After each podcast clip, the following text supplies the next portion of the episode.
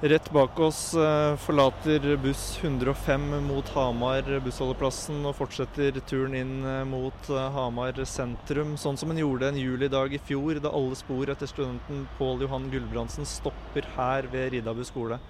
Han gikk av bussen, var i området her en time før det ble kjøpt nytt, en ny bussbillett med hans bankkort videre inn mot Hamar sentrum på buss B21.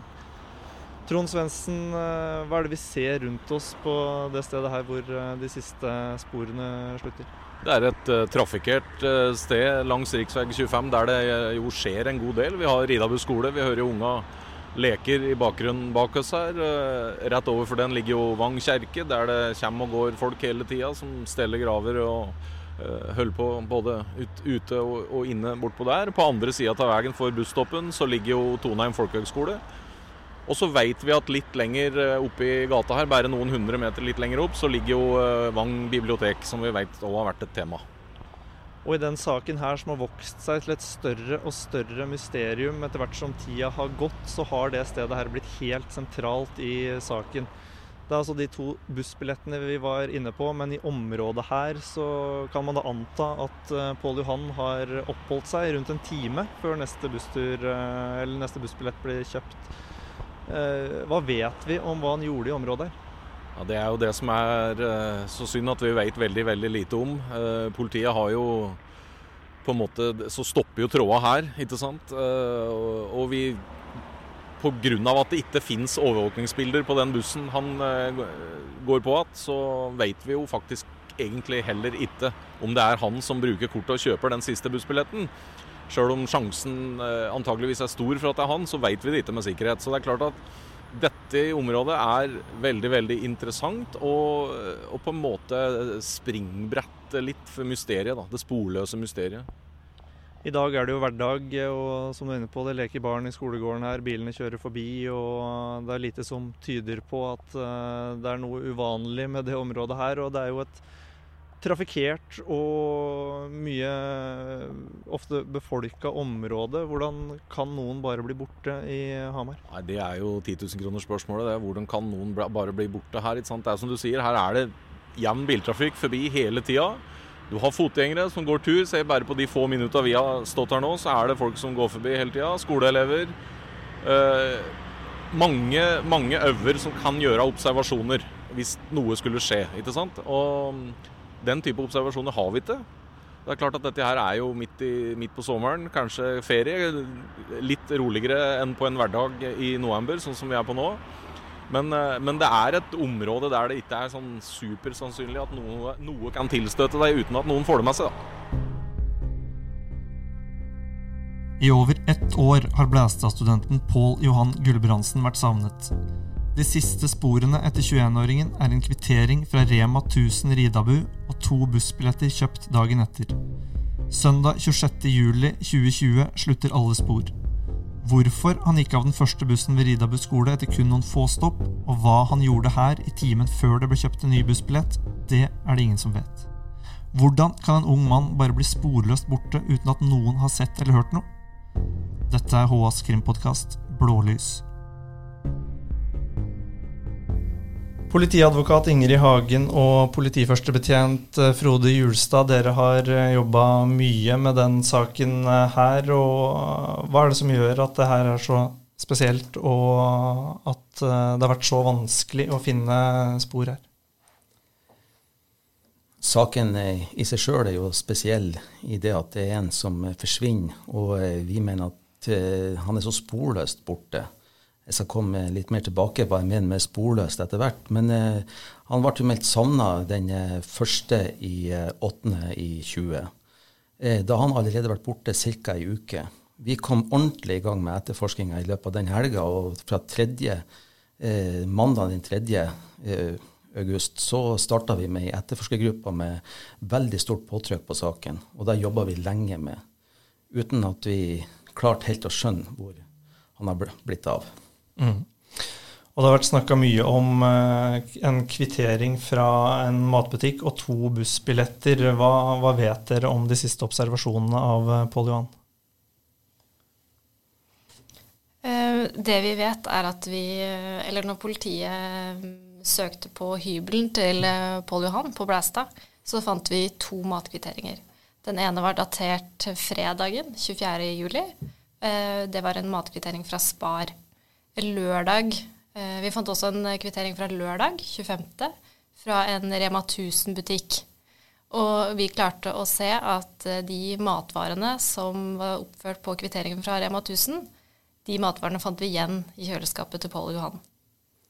Og hva gjelder den rent fysiske observasjonen, den siste fysiske observasjonen, så er det fra fredag 24. Da var det huseier som hadde hatt en kort samtale med Pål Johan på hans hybel rundt klokka seks-syv på kvelden. Mm. Og de kvitteringene her, og det at dere finner matvarer igjen hjemme på hybelen hans, eh, det tyder i hvert fall på at han har vært tilbake der etter den siste fysiske observasjonen. Og de kvitteringene kan kanskje også være med å si noe om at han ikke planla å forsvinne, sånn det fremstår, da. Det er riktig. Mm. Slik tolker også politiet det. Mm.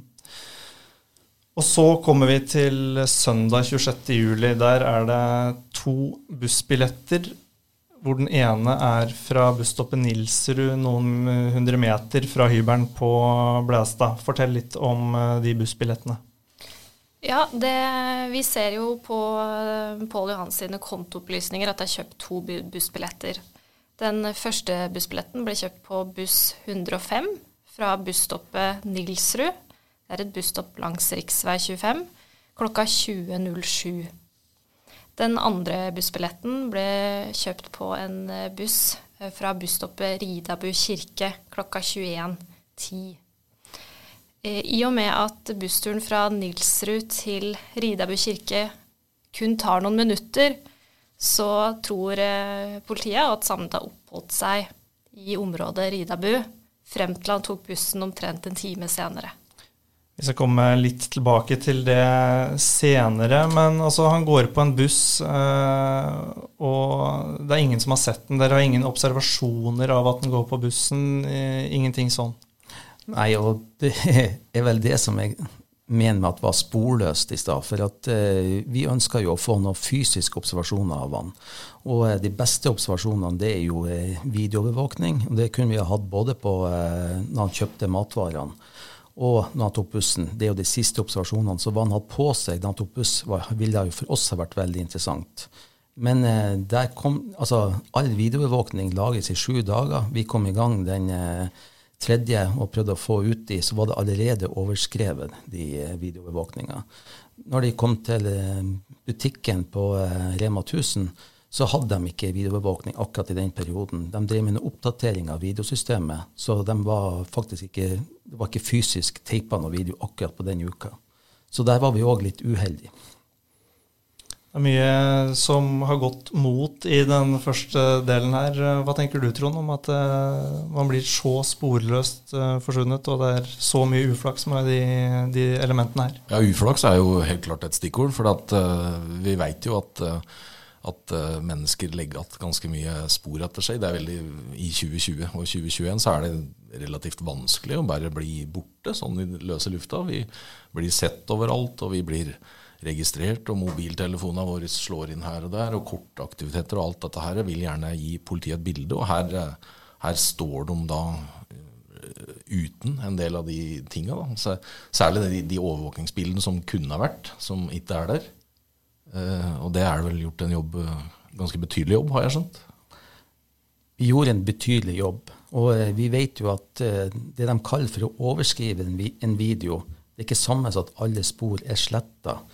det kan ligge spor, for det er bare at det, har, det er lovverket som justerer at etter sju dager så skal videoen slettes. Mm. vi tenkte kanskje, hvis det var plass på harddisken, at ikke alle spor var sletta. Så vi fikk jo demontert eh, de harddiskene i de bussene som var aktuelle. De ble sendt til leverandøren helt ned i Tyskland. Først eh, via representant i Norge, som gjorde et forsøk på å rekonstruere. Valgte å bruke eh, leverandøren i Tyskland, og de klarte heller ikke å rekonstruere de filene. De var sletta. Det siste observasjonen var vel fra tirsdag den syvende.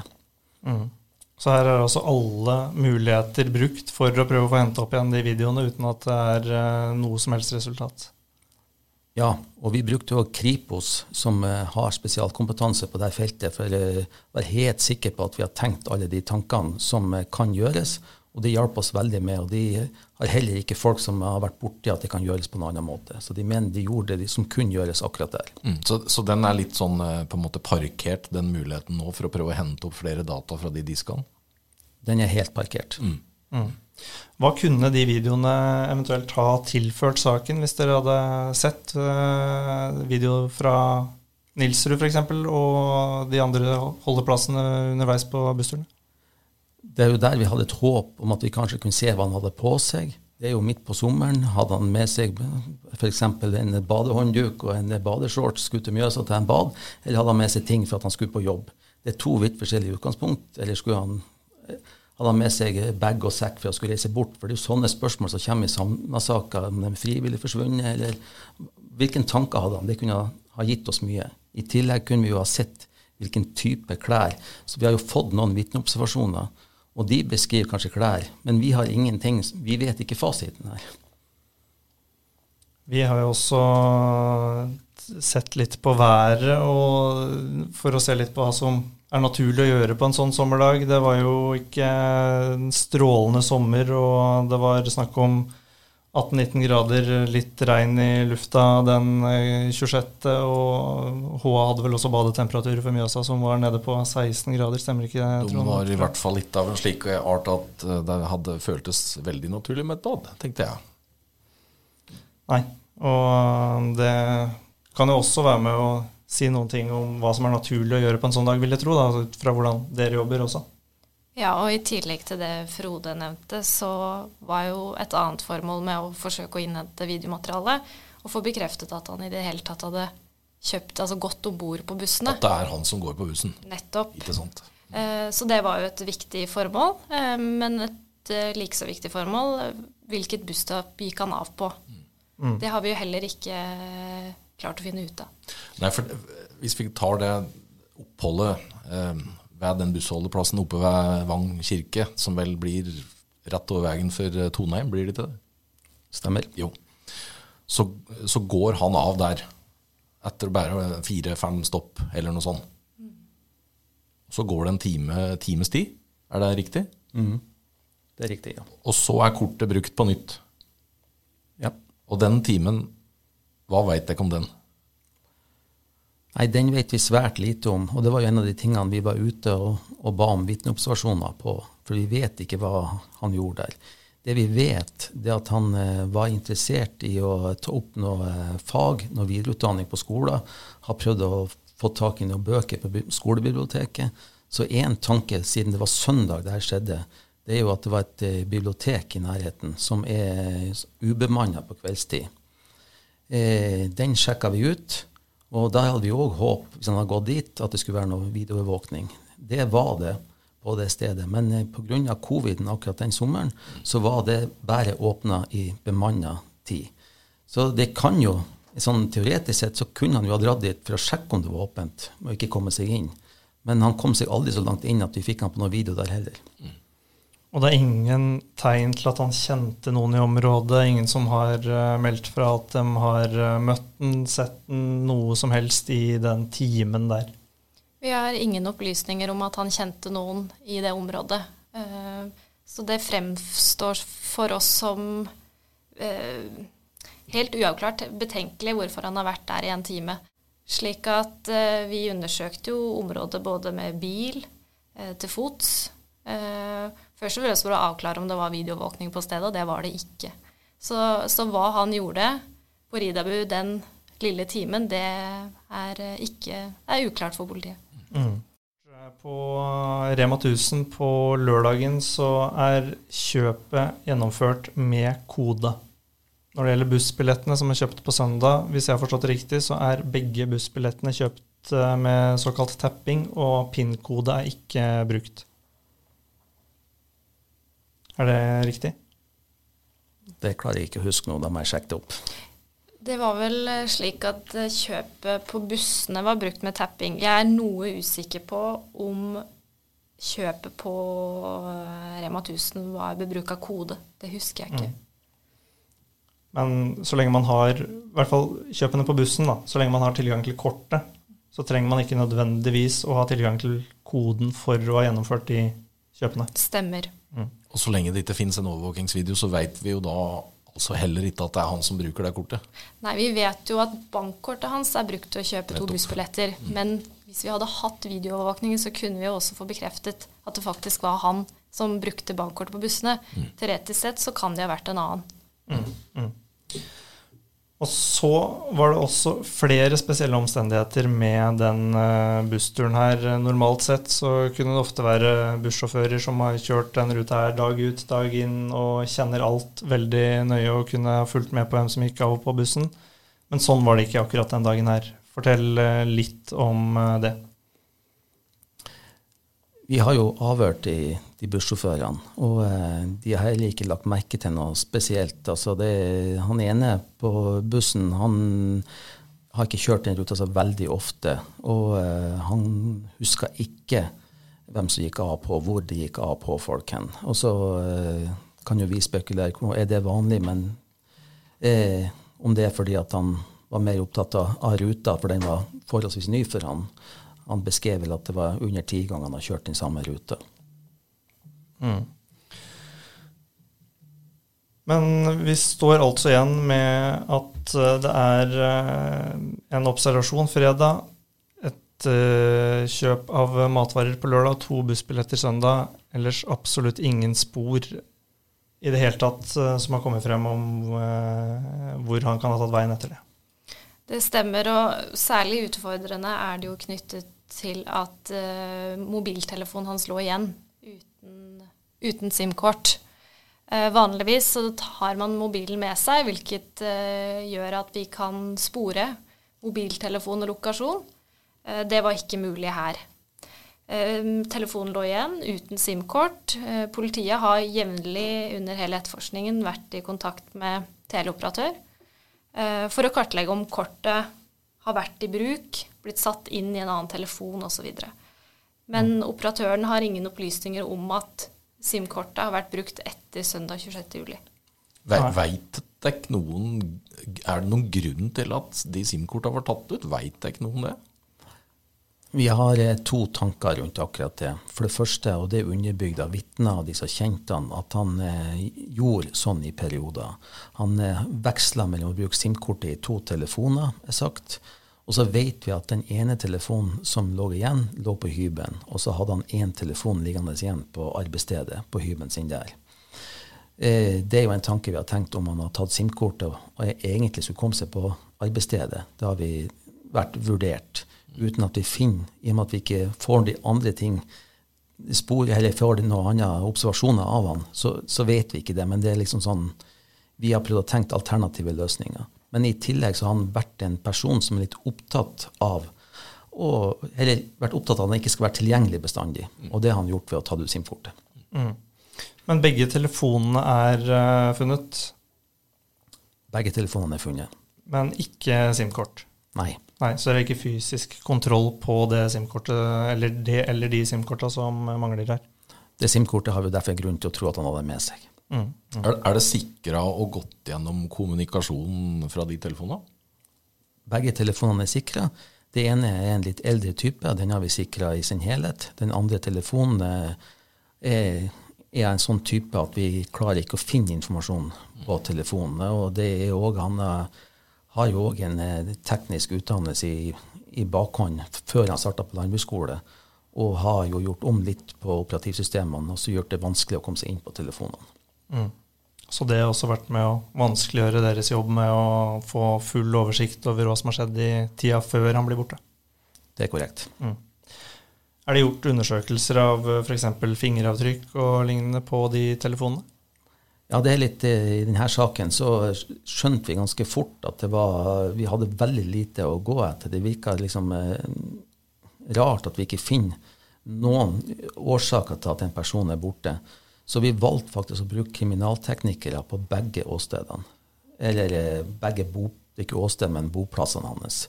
Der han bodde på den lille hybelen på, på gården i ukedagene, hadde vi kriminalteknikere. Og det var kriminalteknikere på det bostedet på Blæstad. Hva kan du si om hva som blir gjort av funn og, og lignende der? Igjen så er det liksom De funnene som er der, er helt naturlige. Et funn at altså det, det er liksom en fravær av at det skulle ha skjedd noe voldelig. Det er fravær av at det er noen spor som gjør at det er interessant for politiet å gå videre med det.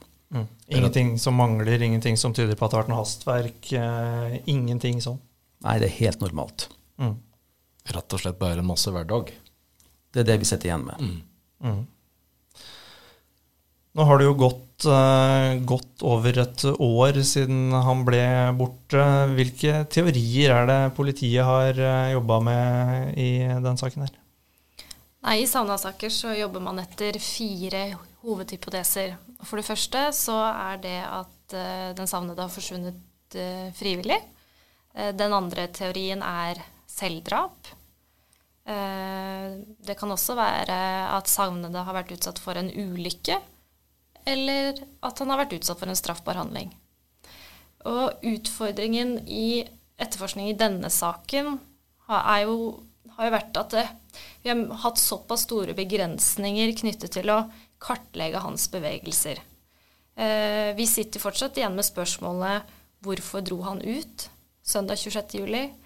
Hvor skulle han? Skulle han møte noen? Hadde savnede med seg noen spesielle eiendeler? Um, og ikke minst hvor han skulle etter at han gikk av siste bussen. Og ettersom vi at vi verken har klart å gjenopprette sletta videomateriale, vi har ikke funnet videoovervåkning fra aktuelle områder, vi har heller ikke særlig med vitneobservasjoner, så, så, har vi ikke klart å besvare disse spørsmålene. Slik at vi fortsatt må holde alle muligheter åpne, og vi kan ikke utelukke noen av de fire hypotesene heller ingen som stikker seg ut som mer sannsynlig enn andre av de er? Jeg vil si at vi må holde alle oppe. Eh, når det gjelder at eh, han f.eks. skulle ha villet avslutta livet sjøl, så er det vel der vi kanskje bygger mest på at det er lite sannsynlig. For han har lagt så mange planer for den kommende uka. Ja, og det har vært et tema her eh, tidligere som vi har hørt om flere ganger i løpet av det siste året. Akkurat de planene og det han hadde sett for seg å gjøre i uka som kom etter at han da ble borte. Han var på sin siste uka på arbeidsplassen. Og han har jo bedt om å få jobbe inn noen dager, for han hadde lyst til å reise hjem til boplassen sin i Arendal, der han er ifra. På veien dit har han gjort avtale om å besøke en kamerat. Han har òg gjort avtale om at han via Finn å kjøpe en moped som han hadde lyst til å ta med seg opp for neste skoleår. Den eh, besøket som var på, uh, av huseier, den har jo blitt underbygd med nye avtaler på, ved SMS, der de har gjort, for han har bytta leilighet, og oppgjøret for det er blitt uh, gjort klart i løpet av den helga, den siste helga. Og det er jo ting som vi har fått bekrefta. Så uh, ja, vi ser bare at det var en gutt med mange planer. Han gleder seg veldig til å få ei uke ferie før skolestart. Mm. Og det her er vel med å underbygge det mysteriet som det her har vokst seg til, eh, Trond? Ja, er, eh, summen av alle disse opplysningene som vi, som vi går gjennom nå, er med, er med, på det. Og det er som vi har pratet på tidligere, det, er, eh, altså, det hender seg jo at folk blir borte, men, men det er ikke sånn kjempeenkelt å bare, bare forsvinne i løse lufta. Jeg, jeg bare satt og tenkte på, er det leit leita fysisk? Altså hvilken, hvilken vurderinger er gjort rundt det, og hvis det er leita fysisk, hvor og når? Vi starta ganske fort med å prøve å kartlegge ut ifra de første avhørene vi hadde av folk som var tett på han, hvor han brukte å være hen. Hadde han noen faste turruter? Han var jo en ung, atletisk fyr. Trena han? Han, eh, han ruva litt i terrenget òg? Ja, han gjorde det. Men han var, likte å være aktiv, så han hadde en del turområder. De er avsøkt, til og med med hund. Mm. De naturlige veiene eh, ifra boplassen hans er avsøkt, til og med med hund, for å se om vi skulle finne eh, spor. Eh, og vi har gjort eh, søk der vi har fått noen tips på at det kanskje at han er oftere. Men uh, utover det så er det vanskelig å begynne å leite i hele uh, vidden rundt uh, Hamar, for det blir så store områder. For vi, har, vi mangler de utgangspunktene hvor han har gått ut hen. Og her kommer vi jo tilbake til eh, nettopp det videomaterialet som mangler. at eh, Hadde man sittet på det, så hadde man kanskje også visst hvor han hadde gått av bussen, og i beste fall også kanskje sett i hvilken retning han gikk etter at han gikk av bussen, men det er jo da noe av det som gjør at det, at det er vanskelig å sette i gang disse søkene. Mm. Eh, men et av de stedene som skiller seg ut, som vi har vært inne på, er jo Ridabu skole og området rundt eh, det busstoppet der han da har kjøpt en bussbillett en time etter at han kjøpte den første bussbilletten denne søndagen. Eh, hvordan er det søkt, og hva er gjort i området rundt eh, der? Der er det brukt eh, først eh, mannskaper som var opptatt av å finne plasser der det kanskje kunne være, ha vært åpent noe. Videoovervåkning for å, å, få de her eh, ting som vi vet eh, blir sletta fort. Så det jobba vi først med, uten at vi fant noen ting der. I tillegg så er det blitt gått de naturlige veiene som kan tenkes å gå hvis man skulle ha valgt å gå tilbake. Det er jo noen bekker, det er noen dalsøkk, og de er gått. Men det er òg litt bare for, på måfå, for vi har jo ingen indikasjon på at han har gått tilbake. Vi tror heller at han har tatt buss, men de er avsøkt. Ja, for der vi ikke kan være sikre på at han har uh, gjort det kjøpet av bussbillett sjøl, så er det heller ingenting som tyder på at det er noen andre som har gjort det kjøpet av bussbillett fra Rida busskole. Nei, i og med at vi ikke har uh, fått uh, hentet videomateriale fra bussene, så, så, har vi ingen opplysninger om at det er noen andre enn han. Men selvfølgelig, teoretisk sett, så er det en mulighet for at noen andre har benyttet seg, benyttet seg av hans bankkort. Men vi tror jo ikke at det er tilfellet. Vi tror at Pål Johan gikk på disse bussene og tappa med sitt bankkort, og så er det uvisst hvor han gikk av og hvor han skulle. Nå som vi Det har eh, rent ganske mye vann i Mjøsa siden eh, han ble borte, og vi er nå på en måte på gang med, med andre året, altså at han har forsvant. Og det betyr jo òg at informasjon Eh, særlig da i kraft av observasjoner, vil bli stadig vanskeligere. Fordi at folk husker ikke så langt tilbake igjen. Hvor problematisk er det for en eventuelt videre etterforskning nå at eh, det begynner å bli lenge siden? Tida går. Det er i utgangspunktet veldig problematisk. For eh, selv om man mener at man har en observasjon, så blir, er det veldig vanskelig for vitner å tidfeste den observasjonen. Vi har jo vært ute bl.a. på Åsted Norge. Vi har fått en del tips derifra. Og eh, det er personer som eh, muligens har sett han eh, på noen plasser. Men de klarer jo ikke å tidfeste. Mye er sannsynlig at det er observasjoner som har vært eh, før han er forsvunnet. Og eh, det stemmer nok helt sikkert. Men det, det, hjelper oss jo ikke akkurat. Vi er interessert i den ene spesifikke dagen da han tok busser. Og, og, det er klart at da blir jo tida den største fienden. Det er korrekt. Mm. Men eh, hvis vi tenker litt uh, i nærere tid til forsvinninga også, det at det går nesten en hel uke fra de siste observasjonene til han blir meldt savna, har det også betydning for hva folk husker, og i hvilken grad det er enkelt å følge opp tips dere får? Ja, det er jo også, og samt de andre nyhetsbildene som er i media. Det var jo en uh, annen stor savnesak uh, på samme tida som fikk spalteplass i, i, avisen. Og vi fikk jo tips der. Vi, vi skjønte når vi satt og leste tipsene, tipsene var gode, men uh, de, de, trodde at den båtføreren som var savna, var vår mann, og skjønte ikke hvor han hadde fått båt ifra. Men for oss var det to separate saker. Men igjen så er vi jo kjempeglade at folk engasjerer seg og gir oss tips. Mm. Og den savna-saken som du er inne på her, den kom vel akkurat samme dag eh, som eh, Pål Johan Gulbrandsen blir meldt savna lørdag 1. august. Hvis jeg ikke husker helt feil. Ja, eller dagen etterpå. Ja, det var i hvert fall ja. kort tid eh, etter at vi mottok savnet-meldingen.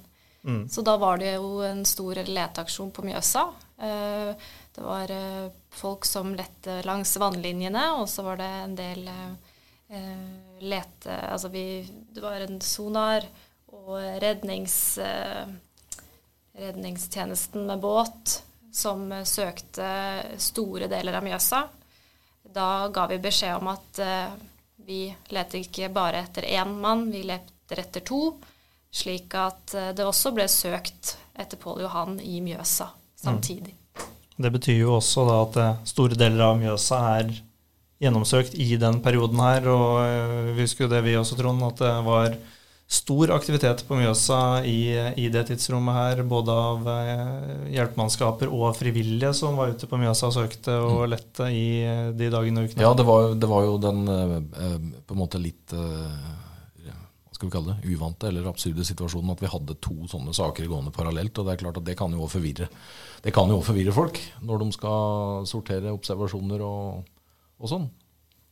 Det var et ganske stort medietrykk på, på dette der akkurat da. Hvor, eh, er, det, er det problematisk sånn generelt for eh, saken at den blir tatt opp igjen, eller er det en fordel at, at det snakkes om den med, med gjennom mellomrom? Han har jo vært både på riks- og lokalmedia, så dukker han jo opp nå i stadig vekk.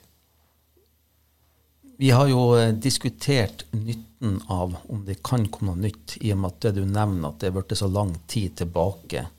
Men eh, vi har jo fått tips inntil ganske nylig. Og de tipsene er kanskje ikke sånn revolusjonerende, men de bygger opp en del av de tingene som eh, vi visste fra før. Blant annet så eh, har vi hatt et vitne som vi ikke klarte å, å, definere hvem var. Etter sist gang vi var i media, som melder han seg sjøl. Og da fikk vi jo tatt avhør av han. Han eh, sier jo ikke noe nytt, men han underbygde det vi trodde, og kjente Pål Johan som en person som var litt opptatt av å ikke legge spor, og hadde gode grunner for å gjøre det. Eh, og bruke datasystemer som ikke var sporbart. Han var litt, mente han var opptatt av å eh, passe på sin egen informasjon. Det kunne vi alle hatt noe å lære av i disse, disse moderne tider, det er helt klart. Mm. Men vi kan snakke litt mer om det, for det, tidligere i høst så var eh, denne savnet-saken et tema på Åsted Norge på TV 2, og dere fortalte at i etterkant av den episoden så var det kommet flere tips eh, som dere skulle undersøke. Hva, hva kan dere si om de tipsa som kom inn der? Eh, Vi mottok en del flere tips etter sending nummer to enn første sending på Åsted Norge, hvilket vi syns var eh, veldig positivt. Eh, Det var en del eh, tips som gikk ut på mulige observasjoner. Eh, Vi fikk også noen tips knyttet til særlig biblioteket på Ridabu. eh, Hvor de spurte eller lurte på hvilke undersøkelser vi hadde gjort knyttet til biblioteket. Kunne, var det der han hadde oppholdt seg denne lille timen før han tok den andre bussen den søndagen? Eh, Og disse undersøkelsene hadde vi gjort ganske tidlig i etterforskningen. Men eh, vi syns det er veldig bra at folk eh, tenker etter. Jeg har oppfatning av noen Ettersom det har gått såpass lang tid, så går det vel opp for alle at dette er en veldig mystisk sak. Man tenker seg kanskje to-tre ganger om, og så ringer de kontakter politiet. Og det vil vi gjerne at folk skal fortsette med. For vi er helt avhengige av nå eh, nettopp nye tips, mulige observasjoner. Um, Det er vel sånn at det er bedre med litt for mye informasjon enn litt for lite. Nettopp. Så det er vår oppfordring til de som hører på, at eh, har de informasjon de sitter på som de tenker er, er viktig for oss å vite, så må de veldig gjerne ta kontakt med oss. Var det også tips eh, knytta direkte til observasjoner av, eller mulige observasjoner av Pål Johan i etterkant av eh, til Norge-sendinga nå? Vi hadde ett tips eh, som gikk eh, konkret på eh, at han muligens kunne ha vært observert. Eh, litt, de er litt usikre på dagen, og det er jo tidsperspektivet, og det syns jeg er flott at de sier når de eh, melder til oss. Men da er det òg i, i, i området Storhamar. Der kan være observert. Eh, vi hadde et tips ganske tidlig i saken da vi var ute i HA, der det gikk på at eh, han muligens kunne være observert på domkirkeorden. Det fikk vi kun ett av, men når du får ett tips sjøl i ettertid, så kan det jo hende at eh, han hadde kanskje gått, ikke gått av i Hamar sentrum, men gått av buss litt lenger eh, eh, vest. Ja, for bussen gikk jo helt bort til Furuberget omtrent, gjorde den ikke det? Den gikk helt bort til Furuberget, ja. Ja. Har dere også noen informasjon ellers om at dette var et område han pleide å bevege seg mye i? Nei, det var ukjent for oss. Han hadde andre turområder som eh, var mer vanlig for han å gå i. Har dere på noen måte klart å sjekke det her ut av saken, eller uh, finne ut av om observasjonene stammer fra tidligere, eller uh, om det kan ha vært etter at den ble borte? Det er det som er vanskelig for oss, i og med at de er, spesielt det siste tipset kommer i så lang tid. Men vi hadde jo ett tips, men uh, vi har jo heller ikke noe og kan kontrollere tipset opp mot hvilken klær han hadde på seg. Eh, selv om vi tar gode vitneavhør der de blir spurt om sånne ting, så har, mangler vi jo det videobeviset fra hva han hadde på sin liste. Mm. Men to sånne tips, eh, Trond, hva kan det ha å si i en sånn uh, type sak? Det høres i hvert fall ut som at folk er opptatt av det, tenker seg om og responderer. Og det tenker jeg at det uh, må jo folk bare fortsette med, hvis de føler at de har noe de kan bidra med. Og som, som politiet helt Eh, korrekt sier, det er bedre å la politiet vurdere kvaliteten og informasjonen på en måte og se om de kan plassere det, enn å sjøl tenke at dette her har sikkert ingen nytte, og så ringer du ikke. Det er mye bedre å ta den telefonen, tenker jeg. Um, det tror jeg må være både i denne saker og alle andre saker. Må, det må en huske på, at her sitter jo faktisk en familie som lurer på hvor han er blitt av. Uh, og av hensyn til dem. Altså Vi ser jo nå du nevnte Åsted Norge, Asgeir, og de er jo blitt veldig flinke på dette her. Og de har jo nå nylig flere eldre saker, bl.a. dette Harasjø-mysteriet, mm. Eh, med, med, folk som er blitt borte. og Sjøl etter 50 år så sitter jo pårørende som lurer på hvor de ble av. ikke sant? Og her, her sitter jo en familie som lurer på hvor han, han er blitt av. Så jeg, jeg, føler på en måte at samfunnet skylder dem å snu de steina som kan snus, i forsøk på å finne dem. Mm. Og det er vel også det dere har gjort i lang tid her nå, prøve å, prøve å finne svar for eh, de pårørende? Ja, det er jo derfor vi òg stiller opp her. For det er jo det som er, et, et at det, vi syns det er rart. Men vi, vi, tenker på de som sitter igjen. For dem er det et veldig stort spørsmål. Og de kjenner jo den personen veldig, veldig godt. Mm. Eh, nå har det jo, som vi har vært inne på gått veldig veldig lang tid. Eh, nå i dag, hva, hva, gjør dere i saken? Er den på en måte lagt litt bort med, etter tida som har gått, eller hvordan jobber dere nå? Altså vi kan si at Den aktive etterforskningen er jo, den driver vi ikke med lenger. Men ettersom vi stilte opp på Åste Norge og fikk en del tips i ettertid, så undersøker vi jo naturligvis de, og, enten, og sjekker de ut, sjekker de inn. Eh, men som nevnt, den aktive etterforskningen det er det ikke mulig å drive i og med at vi har, vi har ikke mer informasjon å undersøke og avklare. Mm. Slik at vi er avhengig av nye tips, observasjoner, og eventuelt at Pål Johan skulle dukke opp mm. før, vi, før, vi, får uh, gjort noe mer med etterforskningen. Mm. Og det er vel akkurat det som gjør det her så spesielt også, at det ikke finnes noen av de observasjonene eller tipsene eller noe som helst der uh, Nei, den står helt Som noen blir helt borte. Ja, jeg, jeg, har jo på kommentarplass i HA kalt dette her for mysteriet fra Blæstad, og den beskrivelsen føler jeg står seg. Det er et mysterium hvor han ble av. Uh, skal det gå an å bli så søkk borte? Det fremstår jo helt, helt merkelig.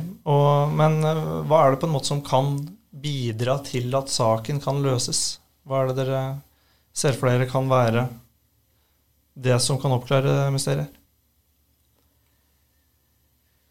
Nei, altså det vil jo være Hvis man, man får et eh, tips som er konkret, så kan det jo hjelpe oss noe med hvor, hva han tenkte med turen. Ikke minst vi har snakket om før, at det blir gjort et funn. Så kan jo det òg hjelpe oss veldig. Mm. Ja, som sagt så har det gått eh, over et år, og vi håper at eh, på et eller annet tidspunkt snart så kommer det en uh, løsning på saken, spesielt med tanke på de pårørende her, som kan få et svar. Og dere ønsker, som dere var inne på, fortsatt tips. Hva kan folk som mener de har opplysninger i saken, gjøre? Det er to muligheter. Det er å ringe politiet 02800 eller så kan du gå inn på politiet.no, og der ligger det en link på politiets nettside til et tipsmottak. Og de vil bli linka til sak. Det er bare å skrive hva det gjelder, og da eh, får vi opp de tipsene. Og dere er interessert i det meste av tips, og er det dere som vurderer i hvilken grad dere kan følge opp det i etterkant? Ja, det stemmer. Vi sitter man med informasjon som man tenker eh, vi bør få vite om, så oppfordrer jeg alle til å ta kontakt med oss, og så kan vi vurdere eh, om hvorvidt det er relevant eller ikke. Tusen takk for at dere tok dere tid til å være med her i dag, Ingrid Hagen og Frode Jurstad.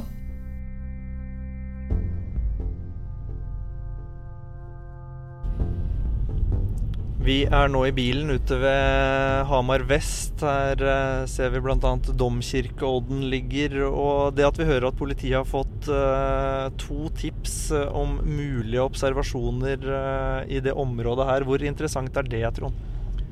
Det er veldig interessant. Og det er jo ofte sånn at det kan komme tips, mange tips som går i mange forskjellige retninger. og da må jo disse her sammenholdes litt med hverandre. ikke sant? Og Det som er interessant med dette her, er at her snakker vi om to tips fra to ulike kilder, helt uavhengig av hverandre, som øh, plasserer, eller indikerer, da, i hvert fall, at han kan ha vært øh, borti dette området her. altså Hamar vest, øh, Domkirkeodden, kanskje i retning Furuberget, det vet vi ikke helt, men i hvert fall det området. Eh, og at politiet har, nå, har to tips om dette her, det er veldig interessant.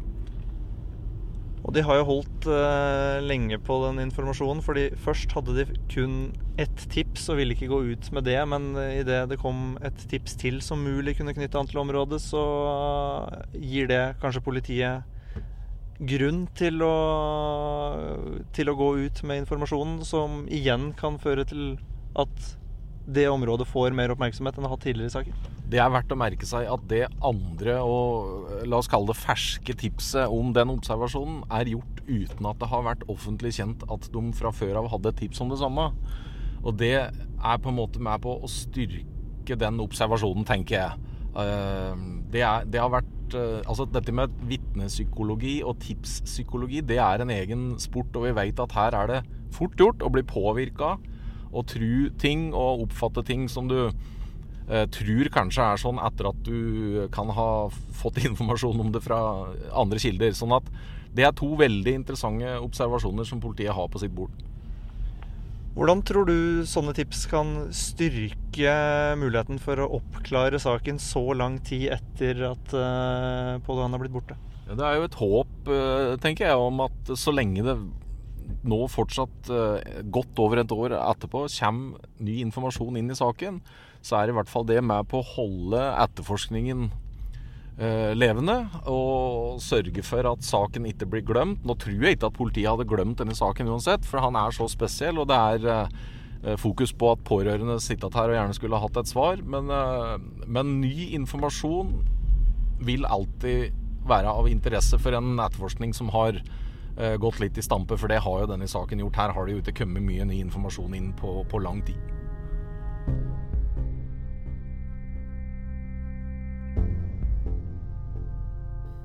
Det nærmer seg jo nå halvannet år siden Pål Johan ble borte. og Ser du noen eh, mulighet for at eh, saken skal bli løst her, Trond?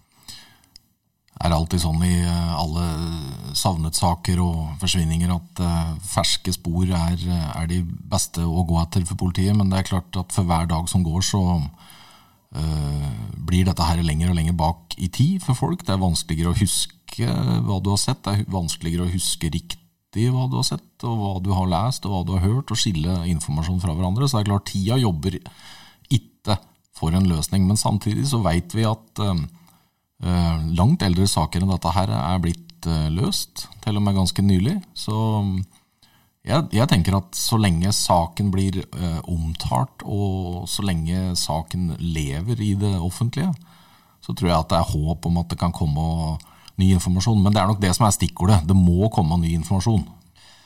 Og det er jo det, nettopp det at man ser at andre saker som har eh, blitt betydelig eldre, blir løst, det er jo med på å gi det håpet til de pårørende til å kunne finne en løsning og få et svar i den saken her. Ja, det er jo det, er jo det, det, det, er jo det viktigste nå. For det er øh, muligheten for øh, at han kan dukke opp at en eller annen plass, er jo selvfølgelig alltid der. Men uansett hva som har skjedd, så skulle i hvert fall noen svært gjerne hatt et svar. ikke sant?